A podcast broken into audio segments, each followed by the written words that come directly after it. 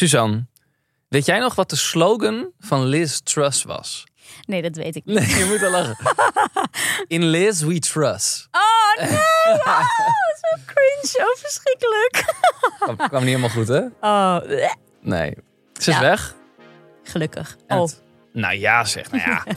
ja ik, weet, ik weet niet of nu... Ja, het wordt waarschijnlijk wel beter. Maar dat, nou ja, laten we het erover hebben. Het Verenigd Koninkrijk heeft namelijk sinds vanmiddag... Wij nemen dit op op maandag 24 oktober. Ja. Een nieuwe prime minister. Rishi Sunak. Rishi Sunak. En we gaan, hebben, gaan het hebben over alles wat eraan vooraf ging. Ehm, en wat ons nog te wachten staat. Dit is de Ver van je Bed Show, de geopolitieke podcast die je wel kunt volgen. Van Giorgia Meloni tot von der Leyen en van de Europese gascrisis tot de kantelende wereldorde. Wij, Suzanne Jugel en Jos de Groot, bespreken iedere week met een topgast de ontwikkeling in de wereld. En we praten over onderwerpen waarvan wij denken, hier moet jij meer over weten.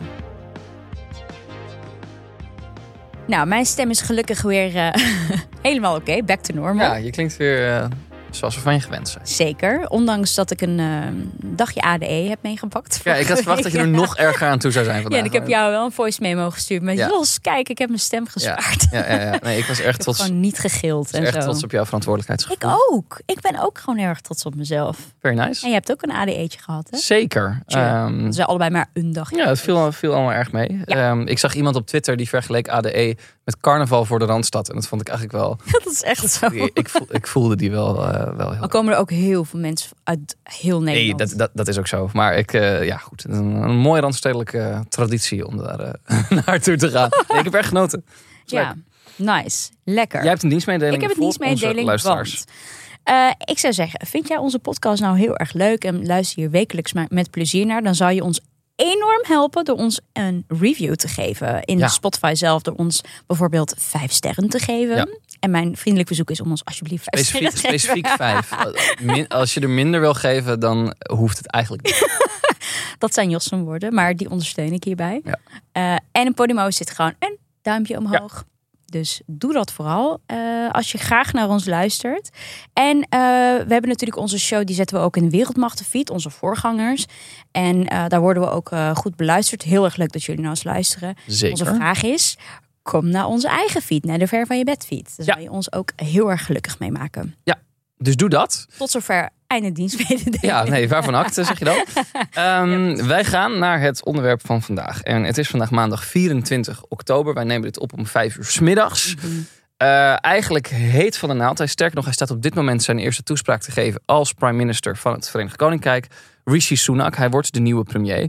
Ehm, en er is de afgelopen dagen, weken ongelooflijk veel gebeurd aan de andere kant van het kanaal. Dat heeft geleid tot nou, de, de, de, de, de chaos, de totale chaos waar we nu in zitten. Ja, want we hebben natuurlijk wel aan de zijlijn, of nou, aan de zijlijn, je leest er gewoon over in kranten en je ziet het op tv, et cetera. En eh, zeg maar, wat er de afgelopen dagen, eigenlijk sinds Liz Truss is aangetreden, is gebeurd, is een soort House of Cards, maar dan in real life. Mhm. En dan aan, aan de andere kant van het kanaal, inderdaad. Er is heel veel te zeggen, inderdaad. Dus, maar- laten we het, laten we het ook een beetje be- beknopt houden. Het belangrijkste moment om eigenlijk als eerste te markeren... dat is die brexit van eh, een aantal jaar geleden. In 2016 stapte het Verenigd Koninkrijk na een referendum uit de Europese Unie. Wat er werd beloofd, dat waren gouden bergen. De handel en wandel van het Verenigd Koninkrijk zou los van die EU, hè, zelfstandig... eh, maar wel in samenwerking, zo werd het dan altijd gezegd... ehm, zou eh, gouden tijden gaan beleven. Maar wat volgde was eigenlijk ongelooflijk veel onduidelijkheden. Ongelooflijk veel gesteggel. Ongelooflijk Chaos. veel chaos. En ook ruzie met de Mm. Europese Unie. Ehm, dat gebeurde eigenlijk. Hè, de eerste premier die die Brexit, eh, ehm, dat, dat monster eigenlijk moest proberen erdoor te krijgen, dat was Theresa May. Uiteindelijk was, Boris, was het Boris Johnson die. He got Brexit done. Dat is nog steeds waar hij eh, om wordt geroemd. En ehm, Johnson, die, eh, ja, die, die, die, die leidde het Verenigd Koninkrijk door die Brexit. Maar, ehm, nou, wat is het inmiddels? Een maand of twee, drie geleden moest hij aftreden. Er waren heel veel schandalen rondom hem. Bekendste natuurlijk Partygate. Alle beelden van Johnson die gewoon in de ambtswoning met eh, mensen zat te borrelen. Eh, terwijl, er- terwijl er een lockdown eh, gaande was in het hele Verenigd Koninkrijk. En uiteindelijk de druppel die de emmer deed overlopen was dat er een fractielid was van de conservatieve partij. Partij waar Johnson de leider van was. Ehm, die werd beticht van, van seksueel overschrijdend gedrag. En toen bleek, Johnson wist daar al van op het moment eh, ehm, dat diegene lid werd van de fractie. Ehm, en dat werd hem niet in dank afgenomen. Niet in de minste plaats door een man genaamd Rishi Sunak. Hij was de eerste van het kabinet van Johnson die Ja. zei: Ik kan dit niet meer verkopen, ik stap eruit.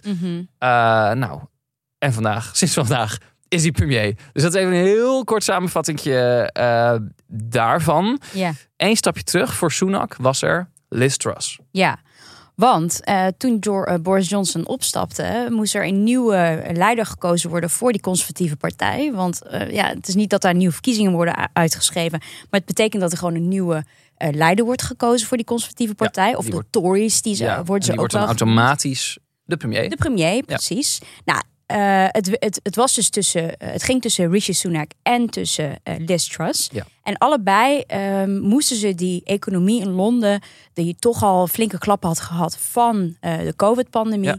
eh, die moesten ze weer aanslingeren. Ehm, Hadden ze verschillende ideeën over. hadden ze verschillende, verschillende ideeën over. Rishi Sunak die wilde eigenlijk eerst de economie stabiliseren en vervolgens de belastingen verlagen. Een beetje à la Thatcher. Hè? Allebei zeiden ze dat, dat ze Thatcher heel erg eh, Mhm. Ja. hoog in het vaandel hadden. een populaire uitspraak. Zeker. En Liz Truss die wilde een wat ze noemen trickle-down economics. Dus als je de bovenlaag, de rijke mensen, zo min mogelijk belast, dan eh, zullen zij uiteindelijk alle investeringen doen die zullen in het voordeel zullen vallen voor de minder bedeelden in de Doorcijpelen samenleving. naar beneden. Precies. Nou, eh, dat eh, plan, eh, daarmee heeft zij uiteindelijk eh, die verkiezingsstrijd gewonnen. Maar de beurzen die waren daar veel minder blij mee. Want ze, ze moet ergens dat geld vandaan halen. Als jij minder belasting binnenkrijgt, dan betekent ook dat je ergens dat belastinggeld vandaan moet halen. Mhm. Daar had ze niet echt goede plannen over. De beurzen die waren gepikeerd. De, eh, de pond die kelderde eh, zodanig dat eigenlijk de Britse economie binnen no time nog erger in de slop zat. Nou, wat zij heeft gedaan is haar minister van Financiën, Kwasi Kwarteng, die heeft ze opgeofferd. Eh, die moest het veld ruimen. Maar toch, de markten, nee, die waren daar niet blij mee. Eh, ze had een U-turn ook gemaakt. Ze had bepaalde ideeën die ze had, die had ze ook wel aangepast. Maar het, het hielp allemaal niet. eh, totdat er een nieuwe eh, minister van Financiën overnam, Jeremy Hunt. Ja. En die had al haar plannen zodanig eigenlijk in de prullenbak geflikkerd. Ja. Dat, zij al haar macht, dat zij al haar macht, haar machtspositie was verloren. Wat betekende dat ze eigenlijk, ondanks dat ze de machtigste vrouw van de UK is, geen zak meer te zeggen had. Nee. En dan weten we allemaal het moment van vorige week donderdag. Ze liep naar buiten, fucking ongemakkelijk. Eindelijk jongen. Ja. Met dat hele dan met al haar publieke gewoon. optredens. Ja, was het oh, soort van het is echt raar. zo van. En ze Ja. liep daar en ik dacht alleen maar van, oh, ik, ik krijg zo echt een ongemakkelijk Mm. gevoel in mijn lijf. En toen zei ze dat, ehm, ja, dat ze eigenlijk haar positie ehm, ging opgeven. Ja. Ehm, dat ze opstapte. Dat was einde Truss. Eh, en inmiddels zijn we een paar dagen verder. Ja. eh, en zit nu Rishi Sunak er als, als zijn nieuwe premier. Ja. Het, het, het, eh, grappig is wel te vermelden dat de afgelopen dagen ook nog eh, Boris Johnson even Ja. om de hoek kwam kijken. Of hij misschien toch wel weer. eh, Eigenlijk zaten we daar ook een beetje met z'n allen op te wachten van... komt toch Boris Johnson? Die komt wel als een, als een duveltje uit een doosje Maar echt gewoon. Op het toneel. toen ik dat las, toen Mm. dacht ik van: dit is gewoon het meest belachelijke Mm. wat ik ooit heb gezien. Dat vind ik zo idioot. Ja. Maar het lijkt me heel goed om dat te bespreken met de gast die we hebben uitgenodigd Ah. voor deze week. Want Ja, ja, ja, ja, ja. we hebben Tim de Wit. Hij stond al, eh, dat is wel leuk eigenlijk, want hij stond al heel lang op ons verlangslijstje, op ons wensenlijstje. En hij stond ook al ingepland voor vandaag. Mhm. Ehm, nog even los van, we, wisten niet helemaal, we, we wisten dat het een, beetje een zootje was aan de overkant. Precies, Maar we volgden het met veel belangstelling. We dachten, laten we een keer met Tim erover Ja. praten. Hoe kan dat nou eigenlijk, dat het zo'n zootje is? en in één keer zitten we midden in deze Ja. nieuwsstorm, zeg Ja. maar. Ja. Tim was natuurlijk jarenlang eh, correspondent voor de NOS in het Verenigd Koninkrijk. Nu kunnen luisteraars hem natuurlijk ook kennen van zijn eigen podcast die hij maakt met Arend Jan Boekenstein. Europa draait door. En ehm, ja, ik denk dat hij zijn dagen als correspondent nu misschien wel een beetje herbeleeft. Maar dan aan deze kant eh, eh, eh, van, van het kanaal. Want ja, er is, Hij is overal. hij is overal. Hij is overal om te duiden over, over Johnson, over Truss, over de Queen natuurlijk. Ja. Ehm, nou ja, we zijn ongelooflijk blij dat hij dat ook bij ons komt doen op deze, nou toch ook wel een beetje historische dag. Ja, en ik ben ook wel heel benieuwd. Ik heb zelf bijvoorbeeld een half jaar in Londen gewoond, omdat Mm. ik daar een uitwisseling heb gedaan. En ik bedoel, sindsdien is er ook zoveel veranderd. Het is Ja. echt een soort land dat ongelooflijk in een rap tempo verandert. En zeker de afgelopen jaren enorm. En hij Ja. heeft dat gewoon voor zijn ogen, heeft dit allemaal gezien. Talloze keren vanaf zijn balkonnetje eh, staan praten over de, over de brexit. Overigens in zijn boek zie je dus dat hij aan het presteren is. En heeft hij daaronder, eh, daarboven heeft hij echt zo'n net jasje. En daaronder heeft hij gewoon zo'n korte broek aan met Hm. Dat is heel grappig. Anyway, wij gaan eh, met Tim de Wit in gesprek. En wij gaan met hem antwoord proberen te geven op de vraag... Ja, wat staat Rishi Sunak, die nieuwe prime minister van het Mm. Verenigd Koninkrijk... wat staat hem te wachten? En hoe heeft de politieke instabiliteit van het Verenigd Koninkrijk zover kunnen komen?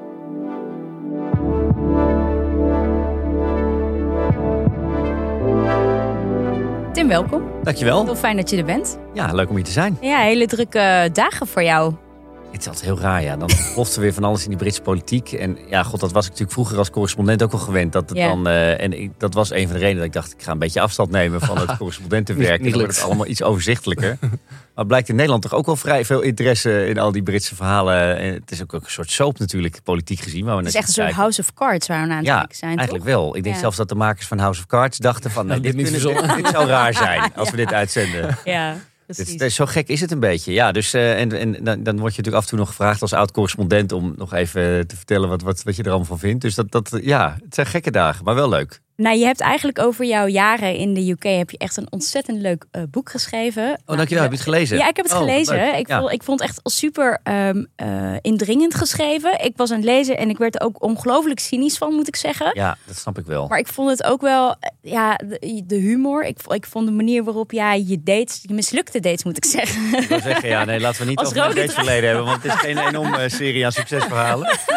Maar dat heb ik er wel in gegeven. Ja, Ja, ja, ja, maar ik dacht ook wel van, weet je, want als je, ik had hem nooit in mijn leven een boek geschreven, maar ik dacht wel, als je dan een keer een boek schrijft, eh, moet ik dan zo'n zware Mm. politieke analyse doen? Weet je wel, ik had wel veel andere correspondentenboeken gelezen van mensen, waarbij ik dacht, ja, ik, ik wil toch eigenlijk ook al, tenminste zelf altijd van zo'n correspondent, als ik dan een boek van iemand wil lezen, van hoe heeft hij het zelf beleefd en Ja. wat heeft hij daar allemaal meegemaakt? En eh, als je dat, tenminste dat probeerde ik in ieder geval, dus veel persoonlijke ervaringen te, te verweven in alles wat er gebeurde in het land. Ja, dan, en, en gek genoeg kwam ik dus heel vaak bij mislukte dateverhalen uit. Want het was of weer met een oligarche dochter. Of, een, Ja.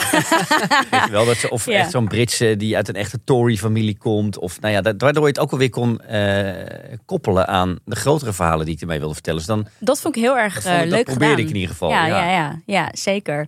Ben je inmiddels wel gelukkig in de liefde? Ja, toevallig wel. Wat fijn. Nederlandse ook net erbij. Heel, en, Ja. Ik heb heel lang in het buitenland gewoond. En eh, veel verschillende culturen, zeg maar, in die zin ook gedate. Eh, wat zeker in Londen natuurlijk wel... eh, want daar wonen zoveel... Ja, ik bedoel, eh, zeker. merk dat mensen in Amsterdam vinden dat het een ontzettend internationale stad is. Eh, en dat is het natuurlijk tot op zekere hoogte ook. Maar Londen, jeetje zegt, dat merkte ik wel toen ik daar ging wonen. Dat is zoveel culturen om je heen. Eh, elke dag hoor je zoveel verschillende talen als je in de metro zit. Weet je wel, daarin voel je pas echt eh, hoe internationaal eh, het is. Een beetje wat je in New York natuurlijk ook een beetje hebt. Mhm. Ehm, ja, en dat, dan kom je dus ook allemaal tegen. Ik kan uren over Londen praten, maar ja, nee, zeker. Ja. Ja. na, na vandaag. Ehm, eh, het Verenigd Koninkrijk heeft een nieuwe prime minister in de persoon van Rishi Sunak. En een eh, collega van mij wees me op een filmpje, filmpje dat ik vanmiddag, ik denk tien keer heb teruggekregen. Ja, je hebt hem ook Als we de man even willen schetsen en leren kennen. Er is een filmpje uit maart van dit jaar, misschien ken je het. eh, waarop hij, waarin hij probeert te tanken. Hij, hij, hij, eh, kan niet tanken. Eigenlijk is dat gewoon het filmpje. En hij, kan, hij weet ook niet hoe zijn betaalpas werkt. Heel goed dat jullie dat hebben gezien. Ja, want dat vond ik ook wel heel typerend. Dat kenschetst toch de hele man? Misschien Nou, en ik vind het, ik vind Ja. wel leuk dat je dat zegt, ja. Want ehm, het is altijd moeilijk hè, om uit te leggen. Want hij is de allerrijkste politicus aller tijden. Hè? Dus sowieso, wat, dat was hij al, dat wisten we. En niet eens zozeer omdat hij nou... Nou had hij zichzelf ook al... In, hij was in de twintig toen hij al miljonair was. Hij komt uit de hedge fund wereld. Nou, ook, die heeft niet altijd eh, eh, onomstreden, zou ik maar netjes zeggen. Was daardoor ook vanuit die hedge fund achtergrond voorstander van Brexit. Ehm, en is getrouwd met een eh Indiaas, ook in ieder geval van Indiaas komaf, uit een miljardairsfamilie. Ja. Mhm. Daarmee is hun, hun gezamenlijk geschatte vermogen. Ik, zag, ik, ik, zie soms bedragen van 900 miljoen voorbij komen. Sommigen hebben het over een miljard. Ja, het, is, het, hangt een beetje van de aandelenportefeuille af van mevrouw ja. Sunak, zeg maar, hoeveel het vermogen is. Nou, voor het geld is je geen minister-president nee, precies. geworden. Nou kan je, want uh, daar had ik het met een uh, Britse vriend van mij over. Die zei, ik bedoel, en die is uh, vrij optimistisch ingeschat. Die zei, het voordeel is wel, dat is niet iemand die zichzelf laat corrumperen, zeg maar. Mm, ja. Wat we natuurlijk bij de Tories wel de afgelopen, wat ik ook in mijn boek uitgebreid heb beschreven, is dat je ziet hoe ontvankelijk ze zijn. Niet zozeer dat ze allemaal corrupt zijn, maar dat ze wel ontvankelijk zijn voor allerlei toch een beetje dubieuze deals Mm. met, met rijke partijdonoren of het aannemen van geld van Russische oligarchen en zo waar ik het over heb. Je mag ergens hopen dat met zo'n premier eh, dat hij zoiets heeft van en Johnson notabene, die liet vakanties betalen door rijke partijvriendjes. Dat is toch onvoorstelbaar, Bizar. hè? Dat is echt Ik bedoel, dat maakt als premier is dat natuurlijk heel raar. Dat maakt je gewoon chantabel. Dat moet je natuurlijk absoluut niet willen. Nou, daar hoeven we bij Sunak hoop ik eh, geen Nee. zorgen om te maken. Nee. Maar het is natuurlijk wel bizar. Want daarom is het zo typerend voorbeeld. Je zag het ook bijvoorbeeld tijdens de lockdown. eh, ging hij op een gegeven moment eh biertje tappen. En ging hij wat eten serveren. Omdat hij een financieel eh, pakket had bedacht. Waarmee je korting kreeg om uit eten te gaan. Om eh, restauranthouders weer te helpen, zeg maar. Dat vonden de, de Jaap van Dissels van Groot-Brittannië niet zo'n uitstekend idee. Want daardoor was er weer veel meer interactie. Maar hij wilde dus heel erg de horeca helpen. Dan zag je hem daar met opgestroopte mouwen. Ja. Mega onhandig. Want hij denkt, ja, oh ja, eh, Had nog nooit een tap in zijn hand gehad, natuurlijk. maar dat, dat kenmerkt die man dus wel. Dus, hij- dus als Ja. je al niet eh, weet hoe je moet tanken, hoe je moet pinnen. Hoe je, Ja. ja. dus dat, dat vraag ik me dus ook wel af. Ik denk dat dat een van zijn grootste uitdagingen wordt. Hoe gaat hij contact maken met Ja. met name de onderste lagen? De mensen die de meeste Armere last lagen. hebben van de financiële chaos die er nu is, Precies. natuurlijk. En dat zal hij wel pro- proberen te doen. Eh, want hij snapt donders goed natuurlijk, denk ik ook wel. Want het is niet een dom iemand, helemaal Mm. niet. Ehm, maar dat zal voor hem denk ik wel eh, de grootste uitdaging worden. Wordt hij geloofd, zeg maar, door eh, de, de, de mensen die voor Brexit hebben gestemd. Die op Boris Johnson hebben gestemd. Mm. dachten van, hij gaat ons leven beter maken. Dat zijn mensen die echt uit de voormalige industriegebieden komen. In het midden en het noorden van Engeland. Lagere inkomens. Heel teleurgesteld in de politiek. Gaat hij die mensen weer enthousiast maken voor de conservatieve partij? Want als je nu naar de peilingen kijkt, hè, het is Mm. dramatisch. Je moet er maar zin in hebben om nu premier te worden. Maar wat is dan zijn motivatie? Want voor het, voor het geld doet hij het niet. Is het dan Nee. voor de eer? Wa- Wat is Het is een hele zijn- ambitieuze jongen. Oh ja. Eh, ik bedoel, ik ben 41, hij is 42. Dus het, het idee dat iemand van mijn leeftijd, zeg maar, denkt van... oh ja, ik, ik, ik heb meer dan genoeg meegemaakt om even een land te gaan leiden. Chef dat wel? Ja. Oh ja, ook notabene in economische crisis. Dan ben je natuurlijk behoorlijk eh, zelfverzekerd. Dan heb je echt wel... En dat, dat zag je eigenlijk al door zijn hele carrière heen. Dus eh, begon eh, bij Goldman Sachs en zo. Dat soort, dat Ja. grote banken heeft hij gewerkt. Waar hij dus heel veel geld verdiende. Eh, toen dacht hij waarschijnlijk al van... oké, voor het geld hoef ik het toen al niet meer te doen. Ik ga de politiek in. Ik ga toch proberen om iets, eh, iets toe te voegen. Wat op zich eh, best bewonderenswaardig is. En ook als parlementariër is in 2015 parlementslid geworden heeft hij zich heel snel omhoog gewerkt. Het is heel ongebruikelijk dat je in je 30, eh 30 jaren al in aanmerking komt voor een ministerspost. Laat staan de allerbelangrijkste naast die van de premier, minister van Financiën. Ja. Dat werd hij gewoon. Eh, en dat, is, dat zegt wel heel veel. En toen nog zeiden heel veel mensen, eh, toen hij dat een jaar deed, dit, dit is een toekomstige premier. Oh. Het werd hem al vrij snel toegedicht. En het is dus ook iemand die nooit voor die ambitie is weggelopen. Hij straalde dat ook best wel snel uit. Wat ik wel vind, eh, maar goed, dat is natuurlijk ook een kwestie van smaak. Ik vind hem heel gelikt overkomen, weet Mm. je wel. Het is heel, hij heeft dat hele dure pakken aan, hele dure schoenen aan. Ja, die man weet niet beter, weet je. Waarom zou hij naar de Scapino gaan? Nergens voor nodig. Ja, En als hij zich laat filmen als hij gaat tanken, gaat het dus mis. Dus wat dat Precies, betreft, ja, dom- domme actie. ja. Nee, maar het- kijk, terwijl Johnson, dat weten we Ja. natuurlijk ook allemaal, is ook een hele elitaire man. Maar Mm. wist, en dat deed hij ook echt bewust, maar door zijn manier van kleden, door dat warrige haar, door die veel te grote pakken, weet je wel, Ja. voelde hij veel meer voor ook lager opgeleide Britten als one of the guys. Weet En nog je wel. steeds. Precies. Maar eigenlijk is dus zo'n Rishi Sunak veel transparanter dan een Boris Johnson. Eigenlijk die dus eigenlijk Mm. gewoon act Goed ophoudt. Dat, Ja. dat wat hij gewoon niet is. Je weet, je weet beter wat je aan hem hebt. Ja. Ja. en, en dus, maar de, dat wordt voor hem denk ik het spannendste. Ja, ik kan niet goed campagne voeren, dat weten we niet. Nee. Kan niet goed eh, financieel beleid uitvoeren. Nou, dat heeft hij op zich als minister van Financiën heeft hij weinig fouten gemaakt. Ja. Ehm, hij had de hele coronaperiode natuurlijk eh, voor zich toen hij net begon. Wist hij toen ook niet toen hij aan die baan begon. Maar heeft hij toch relatief goed gedaan. Ik bedoel, eh, het was, eh, dat zeggen wel meer mensen als minister van Financiën nooit heel moeilijk. Want ze hebben vooral heel veel geld uitgegeven. En dan word je natuurlijk automatisch populair van. Maar toch, ik denk Eh, dat hij daarin, en dat is volgens mij ook het allerbelangrijkste, eh, ehm, rust kan brengen. Een soort sta- Mm. even stabiliteit. Je ziet al meteen dat zo- toen het bekend werd dat hij premier werd, schoot de koers van het pond omhoog. weet je wel? Ja. Ja. Zo, Ja. Dus het, alleen het feit dat zijn naam wordt genoemd, is al iets wat financiële markten weer ietsje tot bedaren brengt. En dat is denk ik wel even nu prioriteit ook van. eh, en, dan- en dan zien we daarna wel weer verder. Ik denk ook dat dat voor hem zijn eerste behoefte is. En nog even naar de instabiele factor. Want Boris Johnson, die gingen ze toch in één keer weer roeren. Ja. Ja, Eh, ja, eigenlijk zaten we tot gisteravond te wachten. Ja. Doet hij het wel, doet hij het niet? Ja. Wat eigenlijk een absurde situatie is. ja, wat vonden jullie daarvan? Ja, ik dacht, ik dacht echt, wat Suzanne, de ga los. Ja, echt, what the fuck is dit? Het is toch gewoon schande dat in een democratie, een man waar een onderzoek naar loopt, notabene, Ja. dat deze man het in zijn hoofd haalt om het, het überhaupt na te denken over, zal ik me weer als kandidaat gaan stellen? Ik dacht echt, dit is gewoon echt een, echt een fucking joke. Ja, Ik, ik hoorde jou, Tim, in Europa Draait Door hoorde ik zeggen van ja, eigenlijk in elk scenario is het onvoorstelbaar dat dit gaat gebeuren, maar toch kunnen we het niet, kunnen we het niet uitsluiten. Nee. Gaan we nu toch met z'n allen zitten wachten? Komt het straks toch als een duveltje uit een doosje Boris Johnson terug op het toneel? Nou ja, ik, want ik, ik heb tot, eh, tot eh, zeg maar, toen wij, wij namen onze podcast op donderdag op en toen Mm. kon ik het gewoon niet, inderdaad niet geloven. Ik denk, dit, dit zou toch wel, zelfs Johnson zou toch wel voldoende zelfkennis hebben om te snappen dat dit niet meteen het moment is om terug te keren na drie maanden. Ehm, maar kijk, hij heeft het ook bewust wel, denk ik, eh, want eh, dat, eh, het is geen, ook daarin, het is wel een, een, een sluwe vos natuurlijk, weet Mm. je wel. Misschien dacht hij zelf ook wel van, hij wist dat dat onderzoek hangt boven zijn hoofd. Dus stel dat hij premier was geworden, dan was het niet ondenkbaar geweest dat hij met kerst weer had moeten aftreden als had gebleken dat hij het parlement had misleid. Dat is nou eenmaal een politieke doodzonde. Nou, heel veel mensen gaan ervan uit dat het zo is. Goed, dat moet allemaal dus nog blijken uit het Ja. onderzoek. Maar goed, dat het is geen lekker begin als premier. Daarnaast waren er verschillende conservatieven die al hardop zeiden: als Johnson premier wordt, stap ik uit de partij. Bekijk het maar, dan, dan, dan kap ik er gewoon mee. Dan is het voor mij eh, meer dan genoeg. Ja. Waarmee die, who knows, dat weet je natuurlijk nooit, maar misschien zijn meerderheid eh, eh, in gevaar had kunnen komen. Ja, dat is ook niet echt lekker regeren. Dus ik denk dat hij heus wel doorhad van het is heel risicovol. Maar door wel even weer zichzelf te roeren en te laten zien dat zijn geest nog boven die partij zweeft, heeft iedereen natuurlijk weer door. Hij is er nog. Ja. En eh, hij wil het best weer doen als het moment daar En is. ik zag zelfs, want ik zag dat Rishi Sunak, die had dan een, een tweetje gepost van nou, ik wil Boris bedanken voor hè, fantastische vent en wat hij eh, in Oekraïne heeft betekend. En, en daarbij Ja. he got Brexit dan, allemaal dat. Ja. En daar lazen mensen dan weer in van, hmm, misschien wordt hij wel foreign secretary onder, eh, onder Sunak.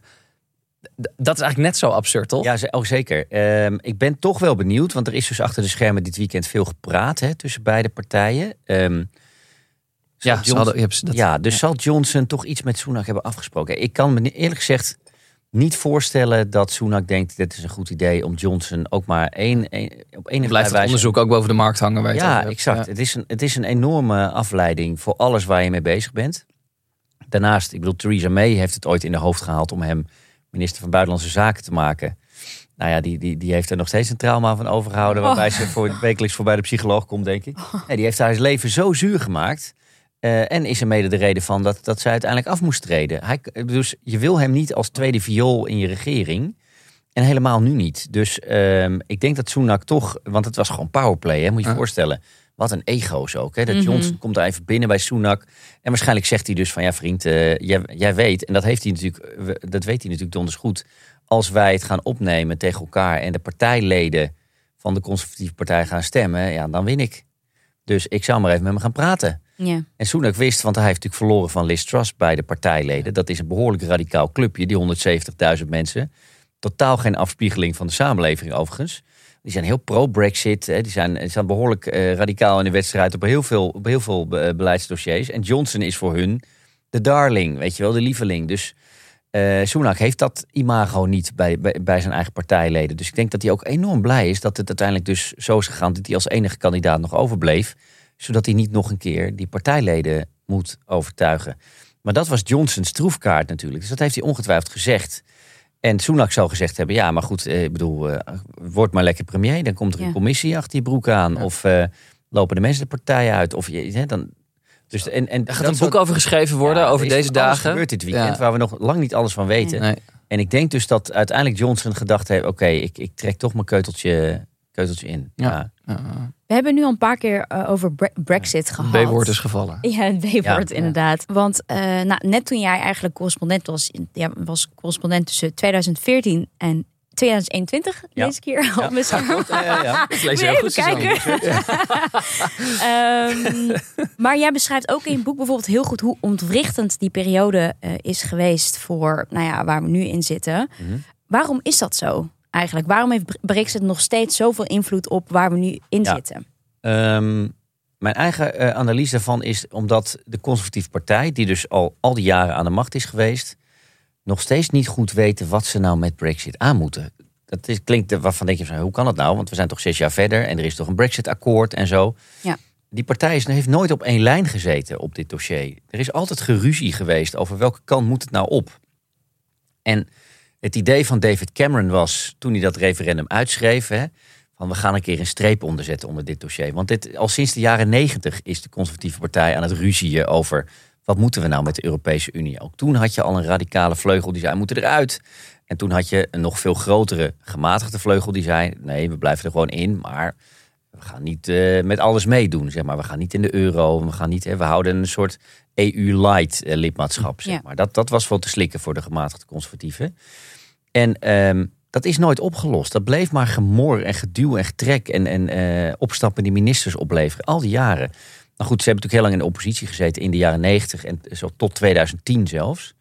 Um, en toen had Cameron dus al wel in zijn hoofd van ik moet een keer dit, dit dossier oplossen. En omdat hij een soort uh, wonderboy was in die tijd, hij won elke verkiezing, dacht hij dus van nou met dit referendum, dat vind ik natuurlijk ook. Het kan toch niet zo zijn dat de meerderheid van de Britten zoiets. Oh, wat een ja, inschattingsfout ja, zeg. Oh, het heeft ook nog wel allerlei onderzoek, uh, oorzaken, maar dit is wel een van de belangrijkste. Ja. Dat die conservatieve partij dus hij hoopte in het, met, in het reinen komt. En dan hebben we gewoon gestemd en dan is het klaar. Dan moeten we gewoon accepteren dat dat het is. Nou, het werd dus Brexit, tegen alle verwachtingen in.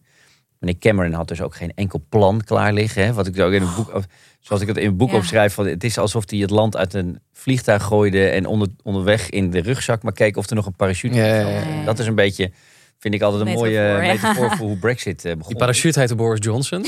Ja, precies. Er wat gaatjes in. nou ja, en, en, en wat je dus ziet, ook dus politiek, is... Uh, want Brexit is een soort ideologisch project, weet ja. je wel. Van, um, er was dus altijd die vleugel die ontzettend machtig is. Die radicale vleugel. En mensen worden soms boos als ik het woord radicaal gebruik. Of het mm. radicaal rechts noem. Maar ik vind Mm. Dat je daar, dat, dat er best wel op los kan laten als je ziet voor wat voor standpunten ze voorstaan. Maar goed. Mm. Ja, omdat zij niet in die complottenhoek zitten natuurlijk. Nee, maar precies, dat, dat, maakt niet, uit. Maar ja. ze staan wel voor. Ze waren, die, die, die, die vleugel wilde gewoon een no-deal Brexit. Weet je, helemaal geen afspraak met de mm -hmm. EU. Mm -hmm. Nou ja, dat, dat, is gewoon waanzin. Um, en dat zijn ook mensen die zijn voor het, het transporteren van vluchtelingen naar Rwanda. Of uh, ja. het, vinden, het, het schenden van internationaal recht. Waardoor de afspraken die ze nu wel hebben gemaakt met de EU. Ja, die moeten gewoon door de papierversnipperaar. Weet je, dat zijn de, dat vind ik vrij radicaal. Zeker. En die hebben dus best wel nog steeds invloed. Um, maar er, zijn, er is ook nog steeds een gematigde vleugel die zegt: ja, we moeten wel op een of andere manier. We zitten niet meer in die club, maar we moeten wel zaken met ze doen. Dus we moeten wel een, in ieder geval een fatsoenlijke relatie met ze hebben, vertrouwensbasis hebben voor, uh, voor hoe het nu verder gaat. En, en dat wordt dus ook zelfs voor Sunak weer een probleem. Hij is ook een Brexiteer, maar hij is een iets wat gematigd Brexiteer. Hij, hij heeft nooit tot die radicale vleugel behoord. Maar ja, je weet gewoon zodra er ook maar weer een groot dossier als, het, als de Brexit of Noord-Ierland wordt. Let maar op, dat komt weer een keer terug. Mm. Mhm. Wat gaat Sunak dan doen? Het probleem van die conservatieve partij is, er is geen eenheid. Dus er is eigenlijk over, uh, we hebben het nu over Brexit, maar het gaat ook natuurlijk over die economische problemen die Ja. er nu zijn. Hè? Want er is een Ja. vleugel die, eh, die wil dat er nu bezuinigd wordt, want we moeten de overheidsfinanciën weer onder controle krijgen. Maar er is een andere vleugel aan de partij die zegt, ja hallo, bezuinigingen, wat zullen we nou krijgen? En om het een beetje voor Nederlandse luisteraars een beetje inzichtelijk te maken, want je denkt, ja, de VVD, eh, die, die stemmen toch ook altijd gewoon met het kabinet mee? Of Mm. uh, je hebt, omdat Groot-Brittannië in feite een twee-partijenland is, hè, Ja. is de, de, de conservatieve partij, dat is een partij waar alles rechts van het midden in zit. Dus uh, daar heb je sommige mensen die, die zo bij de PVV zouden kunnen, maar er zitten zelfs mensen bij die zouden misschien wel bij D66 Ja. kunnen. En die zitten allemaal in één fractie. Ja. Dus het is ook heel moeilijk. En Labour heb je hetzelfde gezien. Hè? Die hadden dus een paar jaar Jeremy Corbyn als leider. Dat was echt zeg maar, de SP-hoek van, van Labour. Maar er zit ook, en nu is Keer Starmer daar de leider, dat is meer een P van A-man, zeg maar. Ja. En dat zit dan al die partijen, ja, dat lukt in Nederland ook al niet, hè, om een linksblok te vormen. maar daar zitten ze wel allemaal in een partij. En het is dus heel moeilijk om, om dan tot compromissen te komen, zeker als het over dit soort elementaire dingen gaat. En waar is, in dit, waar is de bevolking in dit verhaal? Want dat is volgens mij best wel een. Uh, we, hebben het, we hebben het over die radicale flank van de conservatieve partij, die ongelooflijk veel aan het bepalen zijn op dit moment. Um, en misschien eigenlijk nog één stapje terug waar mensen zich over zouden kunnen verbazen, is dat er nu dus tot twee keer toe wordt er een nieuwe premier aangewezen vanuit de conservatieve partij. Waarbij misschien heel veel mensen, misschien ook Nederlandse luisteraars zouden denken: waarom komen daar geen nieuwe verkiezingen? Ja. En ik vraag mezelf ook af: ja, waarom gaan de, de, mensen gaan ook niet bepaald massaal de straat op op het moment? Van wat gebeurt hier? Nou ja, zeker. En ik denk dat uh, die roep om verkiezingen is echt wel uh, groeiende. Ook uh, wel onder de bevolking. Er waren ook wat demonstraties die, dit weekend bijvoorbeeld. In Londen zag ik. Dat zijn vaak ook mensen die Remain hebben gestemd en mm. tegen Brexit zijn en tegen de conservatieven. Tegen, nou ja, het is ook niet zo moeilijk om nu nog tegen de conservatieven te zijn na alles wat er is gebeurd. Maar um, het is niet massaal, weet je. Het is niet dat het land wordt platgelegd. Of het is niet. Er is geen sociale onrust zoals je dat in de tijd van de gele hesjes zag in Frankrijk. Of mm -hmm. ten tijde van. Want ik heb eh, voor Londen zat ik in Berlijn. Toen waren al die demonstraties tegen kernenergie. En dat was zo heftige roep uit de samenleving. Dat dus zelfs een Merkel toen dacht: ik ga die kerncentrales maar sluiten. Um, het gaat erom dat is, de Britten zijn wat dat betreft veel te keurig, in zekere oh, zin. Ja. Is, is, dus- dat echt, is dat het echt? Ja, nee, dat is wel een van mijn, ja. van mijn verklaringen. En ik, ga, ik zit hier niet te pleiten voor sociale onrust en de tegels uit de straat trekken. Maar nee, nee. ik bedoel, het is, het, het is wel een manier van um, toch maar accepteren hoe het is. Dus ja, er is een online petitie getekend, zag ik, die een half miljoen keer is ondertekend. We willen nieuwe verkiezingen. Ja, er was toen ook een online petitie om Brexit terug te draaien, die uh, eh, 15 miljoen handtekeningen had, bij wijze van spreken. Ja, maar en dan, weet je wel. Mm. Uh, ik heb nog nooit gezien dat de conservatieve regering zich echt gedwongen voelde om te luisteren naar uh, de roep van de straat. En dus ook al is die behoefte er wel, Britten zijn in die zin, um, en zeker de, de, demonstrerende Britten, die, en ik zal niet iedereen misschien met me eens zijn, maar die zijn mm. in die zin wat, denk te aardig. Waardoor een, en kijk, het vervelende is in die zin, de conservatieven hebben constitutioneel gewoon het recht aan hun zijde. Hè. Ze kunnen gewoon zeggen, ja jongens, jullie kunnen wel verkiezingen willen, maar we hebben de verkiezingen in 2019 gewonnen. Wij hebben als conservatieve partij een meerderheid van 80 zetels. Wij kunnen gewoon bepalen wat we met die uh, meerderheid doen tot aan de volgende verkiezingen. Die zijn pas eind 2024. En als wij van poppetje willen wisselen, ja, dan mogen wij van poppetje wisselen. Ja. En bij de volgende verkiezingen als Labour, als jullie de grootste zijn, dan zijn jullie aan de beurt. Maar nu zijn wij aan de beurt. Dit vind ik zo pijnlijk ook, hè? dat het een democratie is. En je ziet al heel veel wankele democratieën in de wereld. Dat een van de belangrijkste democratieën misschien op het moment suprem, dat je gewoon laat zien van hé, hey, we hebben er gewoon echt een potje van gemaakt. Dat je misschien opzij moet stappen. Het gewoon niet doet omdat ze heel graag aan de macht willen blijven. Ja, maar ja, dat, wil natuurlijk iedereen aan de macht blijven. Precies, maar dat is natuurlijk ook het pijnlijke. En we zaten ook een beetje bij elkaar van ja, het is ook een beetje te lachen van oh, kijk nou wat er aan de andere kant gebeurt. Ha, ha, ha. Je geniet ook van het circus op een soort rare manier. Precies, maar, eigenlijk is het natuurlijk ook gewoon heel pijnlijk om, om te zien wat, wat er, wat er allemaal gebeurt. En is het ook niet dat het Verenigd Koninkrijk een soort karikatuur is geworden van zichzelf inmiddels? En ja, het aanzien dat, het, dat ze hadden, is dat niet gewoon inmiddels. Ik zat te kijken bij. Uh, gisteren zat ik, ik, ik, ik, zit natuurlijk nog veel BBC te kijken en zo. En uh, ze hebben op zondagochtend altijd een programma van uh, Laura Koensburg. Dat was vroeger Andrew Marr. En Laura Koensburg was zeg maar in, in al de Brexit-jaren het politieke gezicht. Een beetje de Ron Vrezen van, van BBC. Uh, en die heeft nu zo'n zondagochtendprogramma. En uh, die gingen gisteren op een rij zetten hoe er in verschillende landen in Europa bericht werd over oh, ja. de afgelopen dagen in Groot-Brittannië. Mm. En het is toch best wel pijnlijk. Ik bedoel, als je de Daily Show maakte, echt uh, die met Trevor Noah, echt een hele goede, grappige, vond ik, sketch over wat allemaal was gebeurd we nemen het land steeds minder serieus. Dat, is echt, dat vind ik echt erg. Ik bedoel, ik ben dol op Groot-Brittannië, uh, zoals jullie ongetwijfeld snappen. maar dit, ik bedoel, dit is helemaal niet nodig, weet je wel. Um, Sinds Brexit is dat eigenlijk aan de gang. Wel, ja, dat denk ik wel. Ik denk uh, zeker in al die Brexit-jaren heeft het land zich uh, zeker op, op, internationaal niveau nou niet echt gepresenteerd als een. precies wat je zegt, een, een gerespecteerde democratie. Um, en zeker in de tijd van oorlog waar we natuurlijk in zitten. Want laten we wel weten, dat, daar eh, geef ik de Britten ook altijd credits voor. Ze hebben, uh, zeker ten opzichte van Duitsland en Frankrijk, echt altijd voorop gelopen als het gaat om het leveren van wapens aan Oekraïne. Als het gaat om trainen van militairen. Dat heeft Johnson gewoon heel goed gedaan. En ook goed ingezien van jongens, geen tijd voor geouwe hoer. Er moet nu gewoon uh, steun komen. Um, als zo'n land dus daarmee politiek gezien eh, zijn reputatie eh, voortdurend te grabbel gooit. Dat doet gewoon wat met de, de, de, onder, de lijnen tussen Parijs en Londen en Berlijn zijn altijd heel belangrijk. Ja. Voor de stabiliteit in Europa. We moeten nou even samen optrekken met z'n allen. Oké, Brexit en, en ze zitten niet meer in de EU, maar het is gewoon heel erg cruciaal dat het gebeurt. En er is nu er is nauwelijks contact tussen die hoofdsteden. En Macron weet natuurlijk amper wie die moet bellen, weet je wel. Had hij had net het nummer van Na 45 dagen zit er dan weer een ander. Ja. het nummer net opgeslagen. ik had net een fotootje als WhatsApp-beelding had hij eigenlijk binnen, afbeelding Oh. binnengekregen. Dan weer naar de volgende. Nee, maar dus, het, is, ik, het is echt wel ehm, pijnlijk. En ik, ik denk dat dit, ik bedoel, dat, dat hebben heel veel Britten natuurlijk wel door, dat die internationale reputatie is afgebrokkeld. Ehm, maar tegelijkertijd, dat kan ook weer terugkomen. Daar geloof ik echt wel in. En Mm. eh, zelfs ook, een want en dat moet je de conservatieven natuurlijk ook nageven, want we zijn nu heel kritisch. Uiteindelijk is het wel zo. Dus eerst hebben ze met Johnson afgerekend. Hè, heeft de partij zelf gedaan. Gewoon gedacht, tot hier en niet verder. Met Sunak toen voorop. Ja. Oké, er kwam weliswaar Liz Truss ervoor terug. Maar ook daar hebben ze nu mee afgerekend. Hè. En nu is er toch een stabielere, Ja. in ieder geval op papier, eh, kandidaat voor teruggekomen. Dus er zit nog wel een zelfreinigend vermogen in die Ja. partij.